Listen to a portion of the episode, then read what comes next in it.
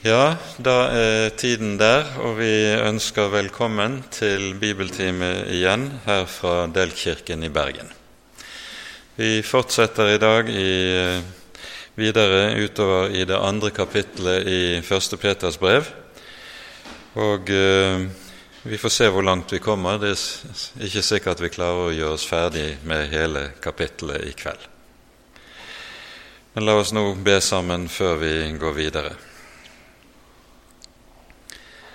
Nå takker og lover vi deg, Herre vår Gud og vår Far, for all din godhet imot oss. Takk da at du har holdt oss oppe like til denne dag. Du er den Far som sørger for oss i alle ting, og bærer oss om dagene er tunge og vanskelige, eller om de er gode. Du er den trofaste Far. Takk, Herre, mest av alt at du har gitt oss din egen sønn, at vi skal få lov til å ha livet i ham, ha syndenes forlatelse og et evig håp. Takk, Herre, at ved ham skal vi få lov til å være lemmer i din menighet og høre sammen i det fellesskapet som du alene kan både skape og holde oppe så ber vi, Herre, send din Hellige Ånd. Vær hos oss denne kvelden og gi oss lys i ordet ditt. Det ber vi i vår Herres Jesu navn. Amen.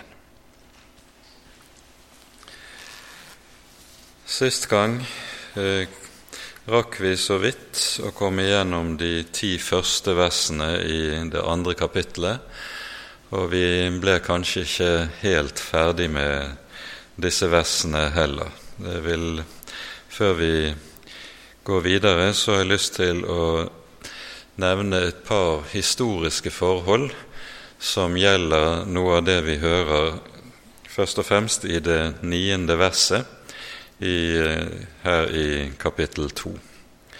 Det er her det tale om at vi som Guds folk er en utvalgt ett, et kongelig presteskap, et hellig folk og et folk til eiendom. Og Da er det slik at dette uttrykket 'et kongelig presteskap' det har en særlig tolkningshistorie og har vært meget viktig rent kirkehistorisk. Eh, bakgrunnen er den at under reformasjonen så skrev Martin Luther særlig to skrifter i 1520 der dette som vi her hører om, det kongelige presteskap, kom til å bli helt sentralt. Det er skriftet om eh, kirkens babylonske fangenskap og skriftet til den tyske adel, der Luther har bl.a. dette som noe av en hovedsak. Bakteppet for det er det at i katolsk tenkning så var den kristne, eller kristenheten delt i to.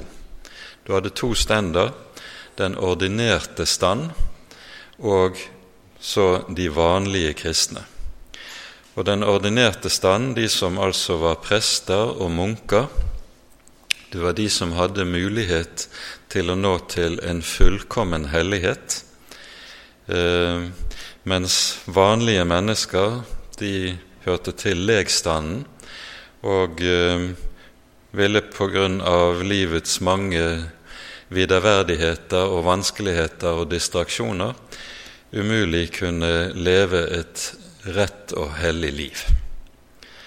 Hele dette skillet som katolsk tenkning fra middelalderen dro med seg, bryter Luther ned ved å peke på Det nye testamentets lære om det som her kalles for det kongelige presteskap.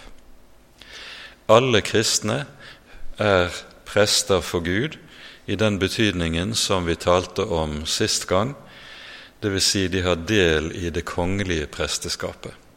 Det gis ingen todeling av kristenheten der noen er særskilt hellige, mens andre ikke er det. I stedet er alle kristne hellige. alle kristne er hellige fordi deres hellighet består ikke i noen egen moralsk kvalitet, eller at de klarer å nå lengre i livet ved sin helliggjørelse enn andre kristne gjør det. De kristnes hellighet består i det som de får ved troen på Jesus. Det er Jesu egen hellighet som skjenkes og gis, og derfor er alle kristne hellige eh, fordi deres hellighet ikke er deres egen, men det er noe som er gitt ved troen på Herren Jesus. Og Derfor hører også alle kristne til det kongelige presteskapet som vi hører om i denne sammenheng. Senere har en teologihistorisk begynt gjerne talt om det som kalles for det allmenne prestedømmet. Dette er et uttrykk som Luther selv ikke bruker. Det, han bruker det bibelske uttrykket 'kongelig presteskap', altså et kongerike som består av prester. Det er det som er betydningen av begrepet. Det er under pietismen begrepet det allmenne prestedømmet formuleres, og meningen med dette er å tydeliggjøre Luthers tale om at alle kristne, hvem de enn er, mann eller kvinne, jøde eller greker, trell eller fri, stor eller liten, uansett så hører en med i det kongelige presteskapet. Dette er noe som er allment, og Luther sier det sånn Hvert kristent menneske er krøpet ut av dåpen og er prest for Gud. Sånn formulerer Luther det. Under pietismen, som jo kommer, vokser frem etter 1675, når Philip Jakob Pena skriver sin, sin innledning til en nyutgave av Johan Arnt sitt skrift 'Den sanne kristendom', så for denne innledningen sin egen tittel. Den kalles for Pia desideria framme ønsker. Eh, disse framme ønskene ble senere utgitt i utallige opplag i bokform, og er grunnlaget for pietismens fremvekst. Og det er Spener som bruker uttrykket 'det allmenne prestedømmet'. Og i særlig én gren av pietismen som kom til å bli dominerende i, store deler av Tyskland, og også i Danmark-Norge, så kom denne talen om det allmenne prestedømmet til å innebære eh, for det første en tenkning om demokrati. At Guds rike skulle styres på demokratisk vis. Det skulle ikke være prestestyrt. Ehm, denne demokratiske tankegangen den er noe som ikke er inne i bildet hos Peter og i de bibelske skriftene, og den var også helt fremmed for Luther når han talte om dette. Hans tale var, og ønske var slett ikke noen form for demokratisering.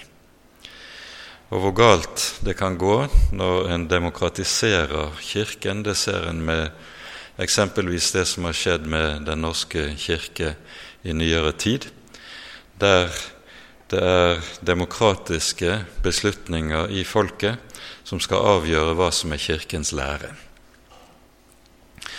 En slik måte å tenke på er bibelsk bedømt uttrykk for det som kalles for koras gjenstridighet.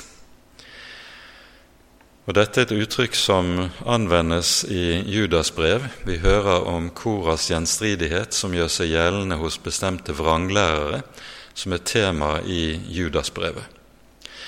Og når Judas eh, viser til dette, så har han i tanke det som vi hører om i 4. Mosebok 16. kapittel, der vi hører om Kora og Datan og en flokk på 250 andre som gjør opprør mot Moses og krever Moses og Aron avsatt. Og så begrunner de dette nettopp i det allmenne prestedømmet.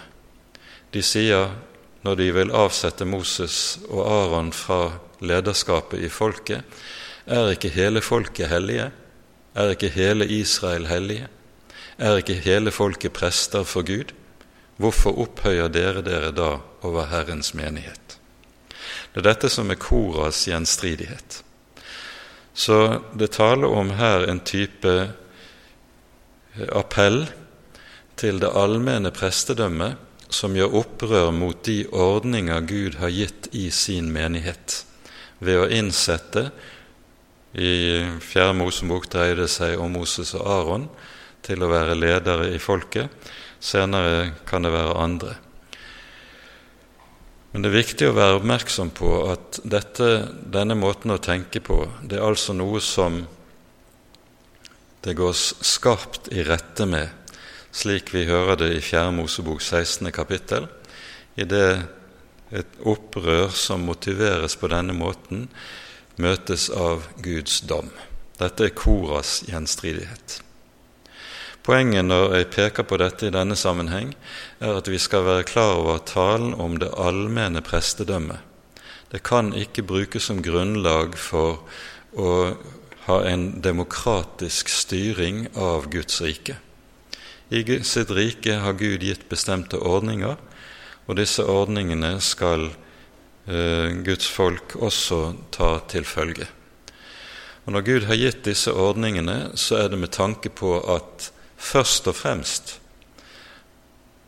at en skal være seg klart bevisst at Guds rike skal styres med Guds ord. Det skal ikke styres gjennom folkeavstemninger på ulike måter. Det er ordet som er det som er det som skal styre i Guds rike. Og Den betyr i praksis og nokså konkret at det er en sann og rett forkynnelse av Guds ord som er det som skal så å si både være det som skaper den kristne menighet, som bygger den kristne menighet, og som holder den kristne menighet sammen. Og Dette er helt avgjørende å være oppmerksom på, for her tenker Bibelen annerledes enn det moderne mennesket tenker. Det moderne tenk mennesket tenker i rettighetskategorier og maktkategorier. Og Begge disse to kategoriene er fremmede for Det nye testamentets måte å tale om Guds rike og om fellesskapet i den kristne menighet. Her er det ikke slik at den ene og den andre eller en gruppe i motsetning til den andre kan pukke på sine rettigheter. Ei heller kan en omgjøre Guds rike til et sted for maktkamp mellom ulike personer og grupperinger. Og all maktkamp er noe som kommer fra djevelen. I Guds rike handler det ikke om hvem som skal sitte på toppen og herske og styre. I stedet er det slik at de som kalles til tjenere i Guds rike, de kalles til å være tjenere. Tjenere for menighetene, ikke herskere over menighetene. Det tenkes altså helt annerledes enn det tenkes i det sekulære samfunn eh, om hvordan Guds rike skal innordnes og innrettes. Dette som en parentes innledningsvis, for det er viktig å vite litt om den historiske bakgrunnen for eh, hvorledes disse ordene i Peters brev er blitt forstått og brukt eh, gjennom kirkehistorien. Og det er med dette som med meget annet som vi ser i Den hellige skrift. Det finnes knapt det ord i Den hellige skrift som mennesker ikke på en eller annen måte kan vri på og misbruke. Det avgjørende for oss å forstå Guds ord i sin sammenheng, slik at det ikke blir vi som bruker ordet ut fra egne formål og egne interesser, men det motsatt ordet som får bruke oss, og at vi innordner oss under ordet. Det får være nok om dette i denne omgang. Det ble kanskje en litt lang innledning, men vi rakk ikke å ta dette opp eh, på forrige bibeltime. Det som nå starter med vers 11 i eh, kapittel 2 i 1. Peters brev, er eh, av noen fortolkere blitt kalt som så å si det som gir oss hovedbegrunnelsen for at brevet er skrevet. Brevet begynner, her begynner det slik i vers 11.: Mine kjære, jeg formaner dere. Forut for dette har Peter talt om hva Guds folk er. Da han har talt om hva vi eier i troen på Jesus, hva Jesus har gitt oss ved sitt offer, og nettopp dette at det er Kristi gjerning for oss som skaper troen og definerer hva som er Guds folks identitet. Dette er viktig å være oppmerksom på. Så når Peter først har talt om Kristi gjerning og om vår identitet i Kristus, så kommer dette avsnittet som altså starter med vers 11. Og Vi tar oss tid da og leser fra vers 11 og ut kapittelet i sammenheng. I Faderens, Sønnens og Den hellige ånds navn. Mine kjære, jeg formaner dere som fremmede og utlendinger at dere avstår fra de kjødelige lyster som strider mot sjelen. La deres ferd blant hedningene være god, slik at de, skjønt de baktaler dere som ugjerningsmenn, likevel må prise Gud på den dag når Han besøker dem fordi de ser de gode gjerninger dere gjør. For Herrens skyld skal dere underordne dere under enhver menneskelig ordning, enten det nå er en konge som den høyeste, eller landshøvdinger som er utsendt fra ham for at de skal straffe dem som gjør ondt, og hedre dem som gjør godt. For slik er det Guds vilje, at dere ved å gjøre det gode skal stoppe munnen på uforstandige og uvitende mennesker. Som frie skal dere ikke være slike som bruker friheten som påskudd til å gjøre ondt, men som Guds tjenere. Vis alle ære. Elsk brødrene. Frykt Gud. Er Kongen. Dere tjenere, Underordne dere under deres herrer og vis dem respekt, ikke bare de gode og rimelige, men også de vrange. For dette finner nåde, om noen av samvittighet for Gud tåler sorger når han lider urettferdig. For hvilken ros fortjener dere vel om dere finner dere i straff når dere har syndet? Men om dere tåler lidelse når dere har gjort godt, da finner det nåde hos Gud. For til dette ble dere kalt, fordi også Kristus led for dere og etterlot dere et eksempel, for at dere skal følge i hans spor. Han som ikke gjorde synd, og det ble ikke funnet svik i hans munn. Han som ikke skjelte igjen når han ble utskjelt, og ikke truet når han led, men overlot det til ham som dømmer rettferdig. Han som bar våre synder på sitt legeme opp på treet, for at vi skal dø bort fra syndene og leve for rettferdigheten. Ved hans sår er dere blitt lekt. Dere var jo som villfarne får, men er nå omvendt til deres sjelers hyrde og tilsynsmann. Amen.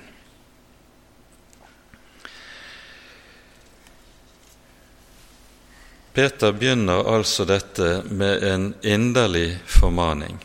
Han tiltaler menighetene med ordene 'mine kjære', 'mine elskede'. Og så bærer vi i minne at når ordet 'formane' brukes i Det nye testamentet, så har det i slike sammenhenger alltid betydningen å oppmuntre. For det er det apostelen gjør med sine formaninger. Han oppmuntrer de troende. De skal være det de er. De er hellige, så lev da som hellige. Det er tankegangen som ligger bakom. Når han tiltaler de troende som fremmede og utlendinger, så henger det på forunderlig måte sammen med det som er sagt om uh, uh, at de troende består av et kongelig presteskap. Det er nemlig en forbilledlighet i Det gamle testamentet i prestenes liv og situasjon i Israel. Vi hører i Fjerde Moseboks 18. kapittel, vers 20, at Herren sier til Aron og til Levi stamme at til forskjell fra alle de øvrige elleve stammene i Israel, som får utdelt hver sin arvelodd i landet, så får Aron og Levis stamme de får ikke utdelt et landområde som sitt eget. De skal i stedet bo spredt omkring i de andre stammenes områder. Og så sier Herren til Aron i dette verset i 4. Mosebok 18 at de prestene ikke får noen arvelodd i landet for, sier Herren, jeg, Herren, vil være deres del og deres arv. Og På denne måten så skal prestene så å si anskueliggjøre dette at her i fallets verden så er dypest sett Guds folk fremmede og utlendinger, de er gjester. Dette kommer også på, til uttrykk på en annen måte i eh, Tredje Mosebok, når det taler om eh, fordelingen av landet i kapittel 25. Der er det slik at både for hver stamme sitt landområde og hver slekt for sin område innenfor det tildelte stammens område. Og det området som tildeles slekten, skal ikke selges slik at det går ut av slekten. Og så sier Herren i begrunnelsen årsaken er at landet tilhører meg. Dere er fremmede og gjester hos meg.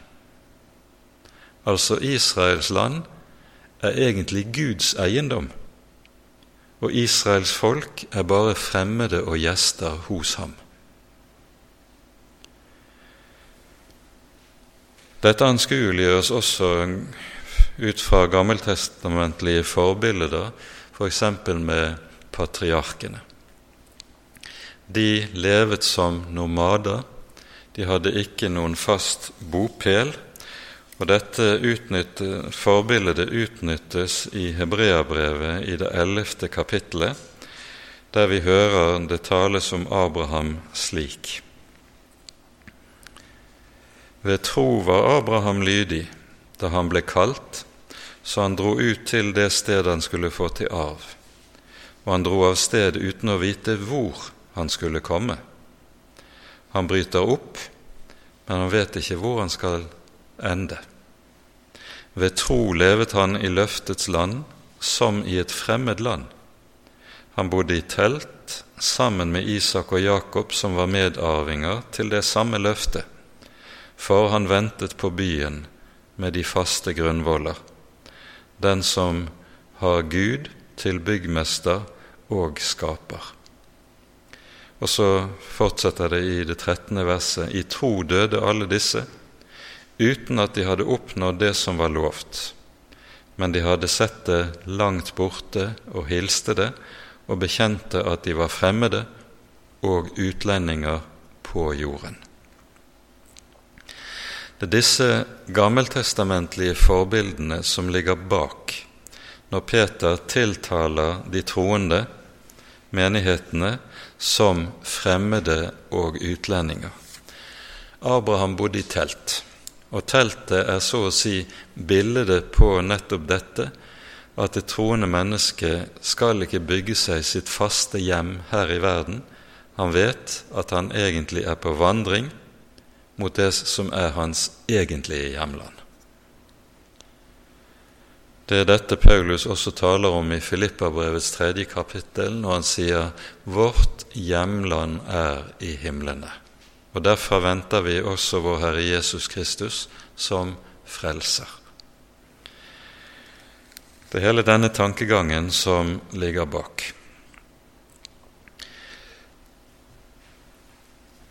Når vi går inn i dette avsnittet, så er det viktig også å være klar over sammenhengen med det som står i versene umiddelbart forut.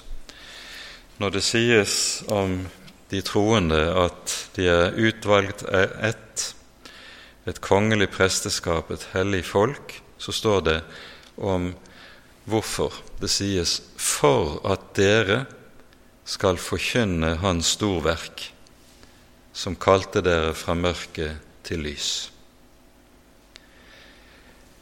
Guds folk holder frem talen om og storverket om Herrens gjerninger.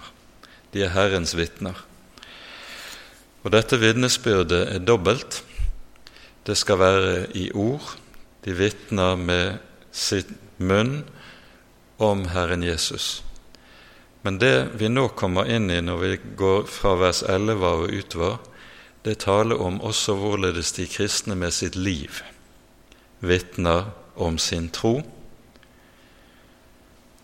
Og det er dette livets vitnesbyrd som her i denne sammenheng er viktig, for med livets vitnesbyrd skal det også føre til at hedningene lukker sin munn, som vi hører det bl.a. nevnes. Først så sies det allment at det avstår fra de kjødelige lyster.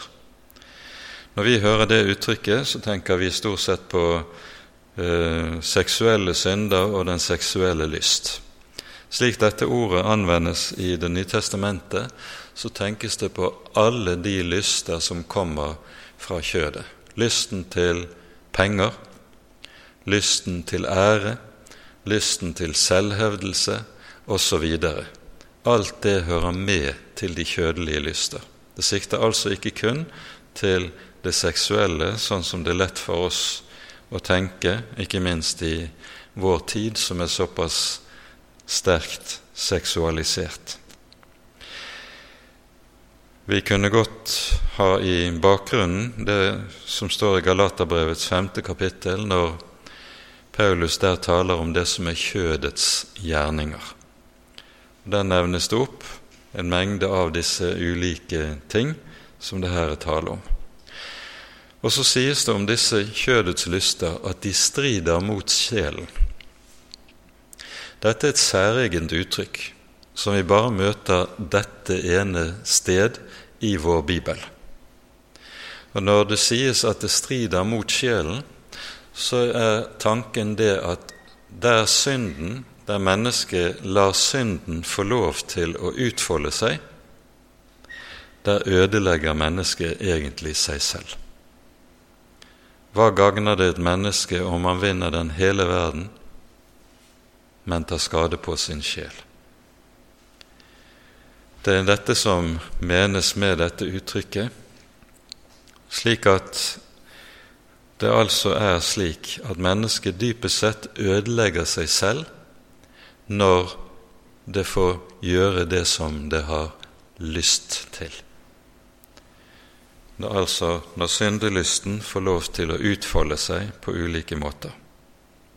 Så fortsettes det. La deres ferd blant hedningene være god, slik at de, skjønt de baktaler dere som ugjerningsmenn, likevel må prise Gud på den dag når Han besøker dem fordi de ser de gode gjerninger dere gjør. De kristne ble baktalt som ugjerningsmenn. Dette er viktig å være oppmerksom på.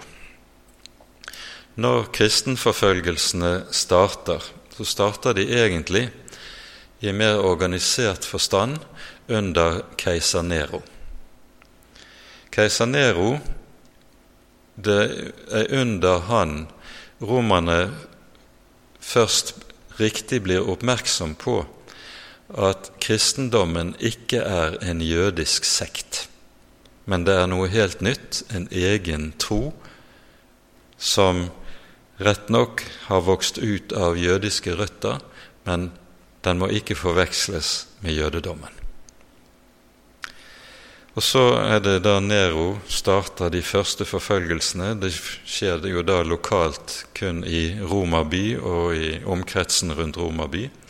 Etter hvert vokser jo dette til å bli noe som omfatter hele Romerriket gjennom perioder. Og de kristne ble baktalt som ugjerningsmenn. For det første ble de kristne kalt for ateister. Det var fordi, og det var noe som ble regnet som dypt foraktelig, ja, helt ubegripelig. Fordi hele den romerske verden, den var fylt av guddommer. Det var ikke bare slik at du hadde storgudene og hovedgudene som vi har hørt fra romersk mytologi, men det var guder for alle mulige små og store ting i hverdagen. Og en romersk liv var omgitt av at en i stort og smått deltok i ofringer til gudene. Når en skulle spise, så ofret en noen dråper vin til guddommen som ga mat. Når en sto opp om morgenen, så ble det ofret eh, Tilsvarende kanskje et lys, kanskje røkelse til husets guddommer, osv., osv.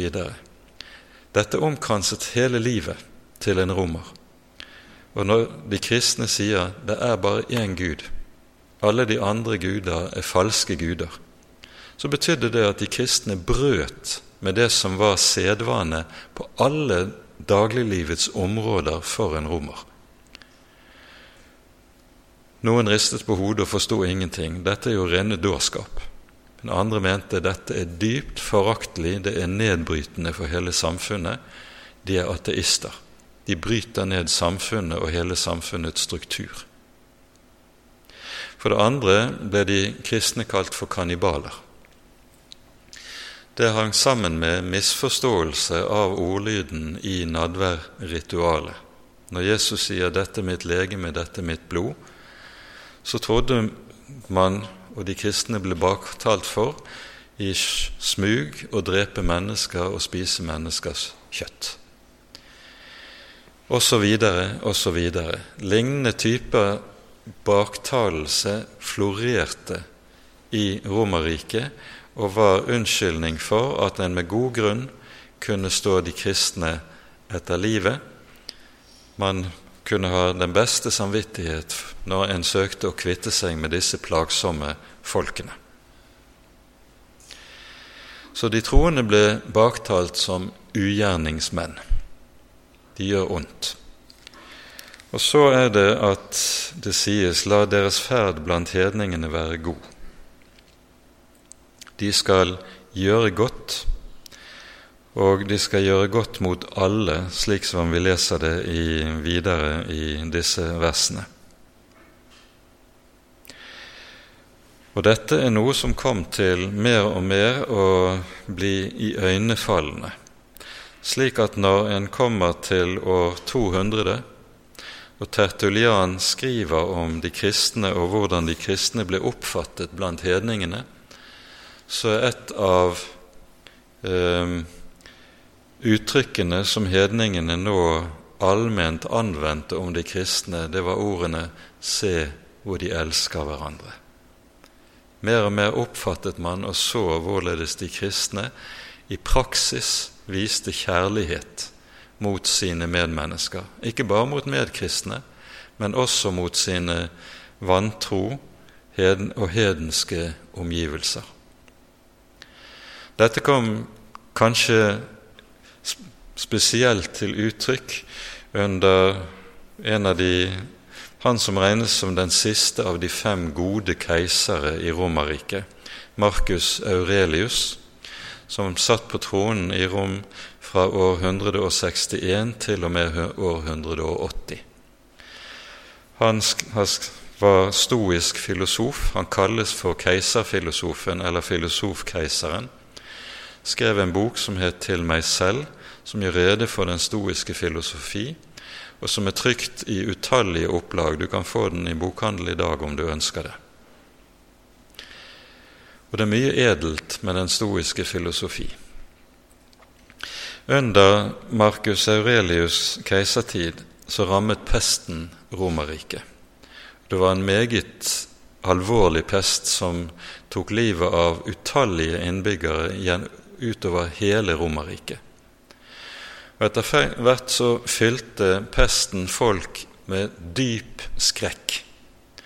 Og det ble slik at var det slik i et hus eller en familie en som ble syk, så var det nokså vanlig at familien tok den syke og kastet han ut på gaten for at han kunne dø på gaten, i frykt for å bli smittet. De eneste som stanset opp og tok seg av disse stakkars arme syke som ble kastet ut på gaten, det var de kristne. Og det ble etter hvert et veldig vitnesbyrd for troen. Her, selv om de kristne var utsatt, utsatte seg selv både for smitte, sykdom og død, så tok de seg likevel av disse stakkars syke som var rammet og lå i rennesteinene, oppgitt av sine egne familier, kastet ut av dem som sto dem aller nærmest. Da er det tale om at de troendes ferd er god. Og Det er klart at noe sånt gjorde dypt inntrykk på omgivelsene.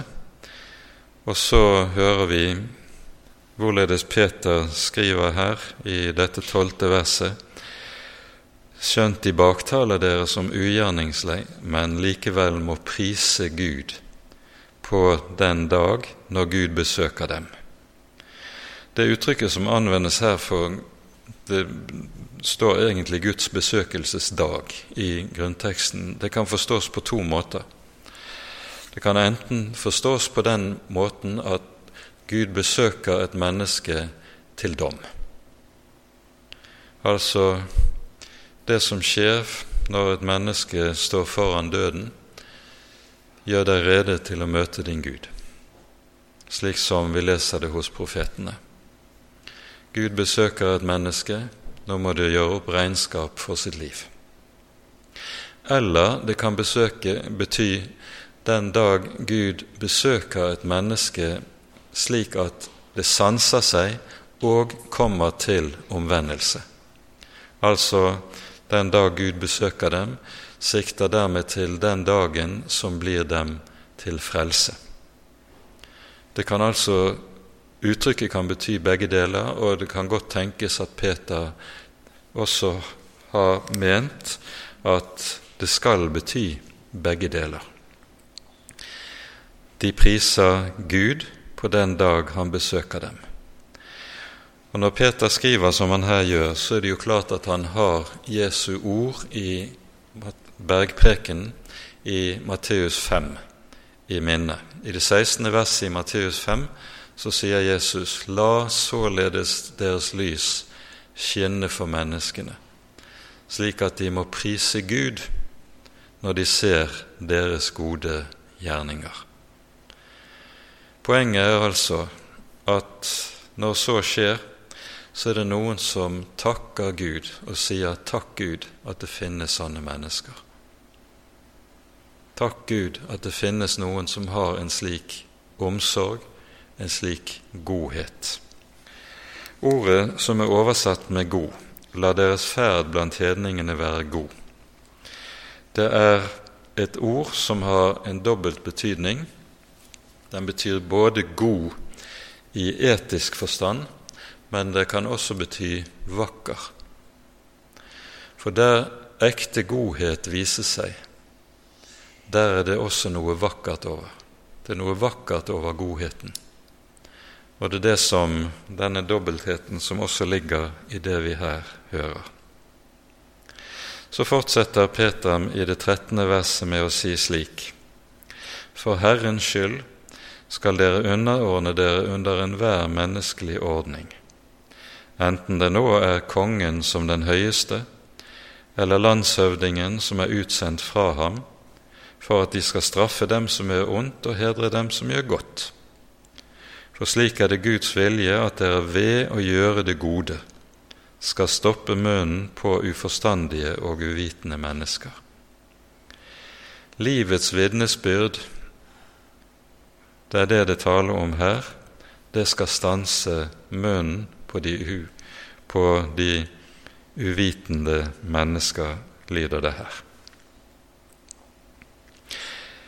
Når Peter skriver slik om forholdet til myndighetene, så er jo det nøyaktig samme tankegang vi her finner hos Peter som vi finner hos Paulus i Romerbrevets 13. kapittel, der Paulus taler om øvrigheten som noe som er gitt oss av Gud, med tanke på å straffe den onde gjerning og lønne den gode gjerning.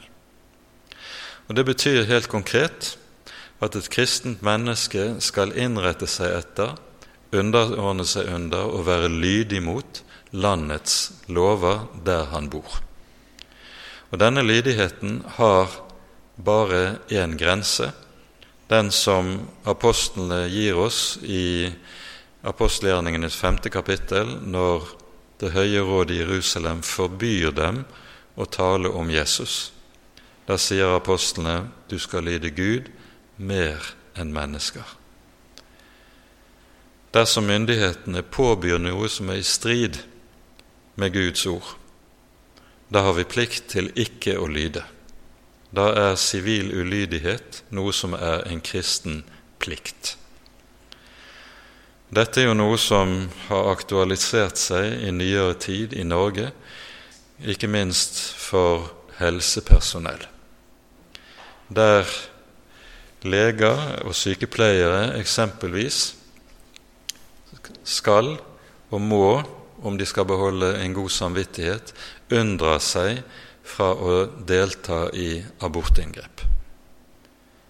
Fordi abort er å anse som drap, etter kristen tro, så kan kristne ikke delta i dette. Og Dette har jo vært noe som har vært omstridt gjentatte ganger de senere år. Nå har heldigvis leger fått rett til fritak ved dette, og det, denne fritaksretten er gitt i lovs form. Men det har kostet mye å komme dit hen. Til å underordne seg under enhver menneskelig ordning hører også det som Paulus setter ord på i um, første Timotius brev, i det andre kapittel, der apostelen sier at vi skal be for konger og alle som er i høy verdighet. Dette er noe som vi som menighet gjør hver søndag når vi i kirkebønnen ber både for konge og storting og landets øvrige myndigheter. Dette er rett og slett et nytestamentlig påbud som vi, skal iaktta. Og Dette påbudet er også formulert etter mønster av noe som vi hører i Det gamle testamentet.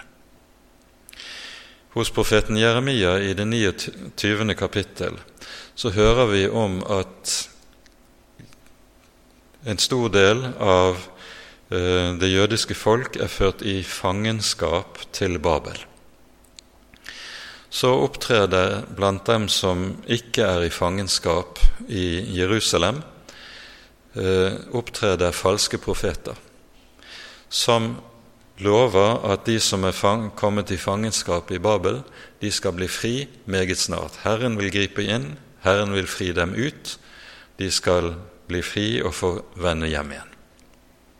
Så skriver Jeremias et brev og påtaler disse falske profetene og gjør klart dette er falske profeter. Dere vil ikke få komme fri fra fangenskapet før det er gått 70 år for Babel, sier profeten Jeremia. Derfor skal dere nå bli værende i Babel.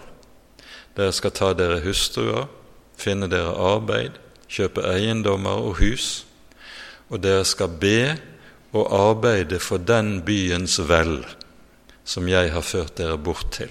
For, sier Herren, når det går denne byen vel, da vil det gå dere vel. Og Det er etter mønster av dette det er altså tale om forbønnen, bl.a., slik som vi hører det i, annet, unnskyld, i 1. Timotius brevs annet kapittel. Det er altså slik kristne skal innrette seg i landet. De skal være lovlydige på alle områder. Det konkretiseres også av Paulus betal skatt til den som skatt tilkommer. En, skatt, en kristen skal ikke drive med skattesnyteri. Betal toll til den som toll tilkommer. En kristen skal ikke unndra tollpliktige varer toll når han krysser landegrensen, osv., osv. En kristen skal på alle måter innrette seg etter landets lover. Dette gjelder også å respektere fartsgrensen i trafikken, for å ta det så helt konkret. Slik, sier Peter, er det Guds vilje at dere ved å gjøre det gode skal stoppe munnen på uforstandige og uvitende mennesker. Som frie skal dere ikke være slike som bruker friheten som påskudd til å gjøre ondt, men som Guds tjenere.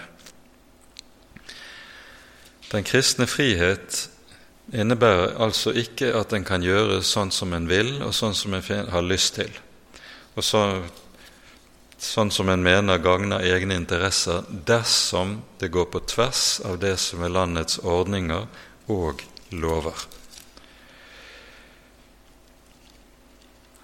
Vi hører i eh, andre Peters brev at det er tale om slike som misbruker den friheten som er gitt oss i Kristus.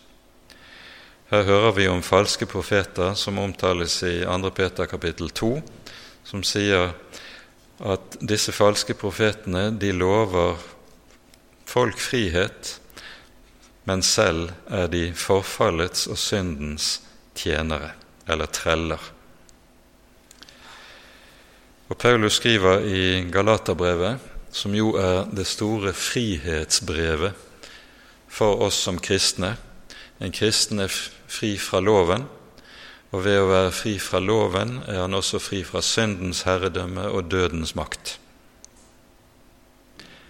Men Paulus understreker i det femte kapittelet bruk bare ikke friheten til en leilighet for kjødet.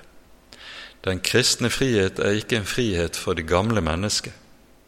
Det er det nye mennesket som er fritt. Men det gamle mennesket, det skal holdes i tømme, det skal holdes i bånd av Guds bud og av Guds hellige lov. Så her er det viktig å skjelne rett mellom det gamle og det nye mennesket. Det er det nye mennesket som lever i friheten i Kristus. Det gamle mennesket skal være bundet, for lar vi gamle Adam få frihet, da skal det, du ser det bli månelyst. Så sammenfattes det vi her har vært inne på i vers 17. Vis alle ære. Elsk brødrene, frykt Gud og ær Kongen. Det begynner med å si 'vis alle ære'. Det betyr at en kristen skal være klar over hvert enkelt menneskes verdighet. Hvert enkelt menneske du møter, hvem det enn er, om det er kong Salomo eller Jørgen Hattemaker, er det han som sitter på tronen eller han som sitter i rennesteinen, De er alle sammen skapt i Guds bilde og skal respekteres som det. De skal respekteres med den verdighet de har som skapt i Guds bilde. Derfor skal en vise alle mennesker ære, vil si respektere dem. Å forakte mennesker og rakke ned på mennesker, det er noe en kristen ikke kan gjøre og aldri skal gjøre.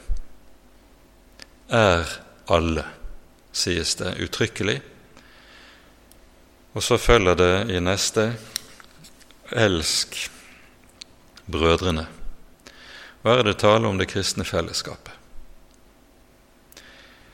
Det er jo talt forut i kapittel to om dette fellesskapet. Kom til ham den levende sted, og bli opp, også dere oppbygget som levende stener til et åndelig tempel i Herren. Ordet 'oppbygge', som anvendes her og flere andre steder hvor dette bildet brukes, der den kristne menighet kalles for Åndens tempel. Det er et Ordet 'oppbygge' er et ord som brukes i en annen betydning enn i det som er vanlig kristen språkbruk i dag. I dag brukes begrepet som uttrykk for en opplevelse som en kristen kan ha under et møte der han har hørt en tale, opplevd et møte som har gjort ham vel, og der han har følt seg velsignet av det som foregikk, og som ble talt i møtet. Men det å oppbygges i Det nye testamentet, det er ikke et følelsesbegrep. Det er et sosialt begrep. Det er et begrep som taler om hvorledes Gud ved evangeliet føyer de troende sammen i et fellesskap. Et fellesskap om Jesus, et fellesskap som er Den hellige ånds tempel. Og det er dette fellesskapet som det er tale om når det sies 'elsk broderfellesskapet', 'elsk brødrene'. Den kristne tro er, og dette hører med til noe av det vesentlige med kristentroen, den er en fellesskapsreligion. Vi er skapt nettopp til å være sammen, til å komme sammen, til å holde sammen. For det er i samfunnet oss som troende imellom at Herren også holder oss fast i troen. Derfor er det også at dette nevnes blant de fire tingene som vi hører i apostelgjerningene to, som de første kristne holdt urokkelig fast ved. Det står om de troende de holdt urokkelig fast ved apostlenes lære, ved brødsbrytelsen, ved samfunnet, altså fellesskapet, og ved bønnene. Urokkelig fast. Fellesskapet var ikke noe som man så på som uh, noe som var hyggelig å komme inn i av og til, men når man holder urokkelig fast på det, så er dette noe som regnes som livsviktig. For det er det det er tale om i denne sammenheng. Og Derfor understrekes det 'elsk dette fellesskapet'. Så kommer det videre 'frykt Gud'.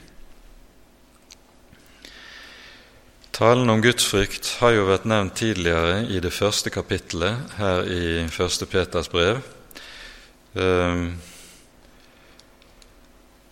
der det taler om når dere påkaller som far han som dømmer uten å gjøre forskjell, enhver etter hans gjerninger, der ferdes i frykt i deres utlendighetstid. Det sies i det 17. verset i kapittel 1.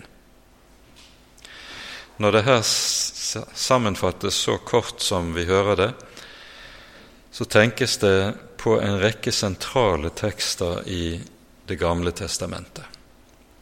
Å frykte Herren er begynnelsen til visdom, sies det i første kapittelet i ordspråkene. Og så følger det i andre halvdel av dette visdom og tukt foraktes av dårer. Og Det er antagelig noe av dette som også er bakgrunnen for det som Peter fortsetter med å tale en del om videre i brevet, nemlig den tukt et kristent menneske kan oppleve gjennom å utsettes fra motstand, ja, kanskje til og med av ondskap fra andre mennesker. Men dette er noe vi kommer tilbake til. I Titus brev hører vi det sies i det innledende verset til brevet at Paulus sin oppgave og sitt kall til apostel er å være en som lærer menneskene den sannhet som hører til Guds frykt. Slik at Guds frykt det er et uttrykk som betegner en helt avgjørende side ved troen. Det er et ord som knapt brukes i våre dager. Vi har vært inne på dette tidligere. Begrepet gudsfrykt henger sammen med, uløselig sammen med, forståelsen for at den Gud som er vår Gud, han er en hellig Gud. Der Guds hellighet blir borte, der blir også gudsfrykten borte. Og Det er i tråd med dette vi hører det sies i det første kapittelet hos profeten Malakia en sønn ærer sin far, og en tjener sin herre. Er nå jeg far, hvor er da min ære? Er jeg herre, hvor er da frykten for meg? sier Herren til, i denne sammenheng, til et presteskap som vanærer Guds navn. Er jeg herre, hvor er da frykten for meg? Dette ord, ordet kan med rette tales også inn i meget av vår tids kristendom. Frykt Gud. Og så til slutt er kongen. Og det kan godt tenkes at dette Peters brev er skrevet mens Nero satt på tronen i Roma. Vel vitende om Nero, hva for en fryktelig keiser Nero var, så sies det likevel er kongen. For her handler det om embetet. Den som er satt i dette, skal også ha den ære som tilkommer embetet, selv om han personlig hadde fortjent det stikk motsatte. Er kongen. Og slik er det en kristen skal forholde seg til øvrigheten. Det er en mangel på respekt for øvrigheten som man kan se i mange sammenhenger eh, i hele den vestlige verden. Det er noe som ikke skulle prege oss som kristne. Det er en viktig side ved troen at vi vet dette at øvrigheten er innsatt av Gud til å være Hans tjener, og en rett øvrighet er også en demning mot at den stormflod skal slippe løs som ondskapen, den, eller lovløsheten, innebærer skulle få råde. Vi rekker ikke mer i dag. Det ble ganske få vers vi rakk å gå igjennom i kveld. Men jeg tror det kunne, kan ha sin nytte at vi tok oss såpass tid med akkurat disse tingene i aften. Ære være Faderen og Sønnen og Den hellige ånd, som var og er og være skal, en sann Gud, høylovet i evighet. Amen.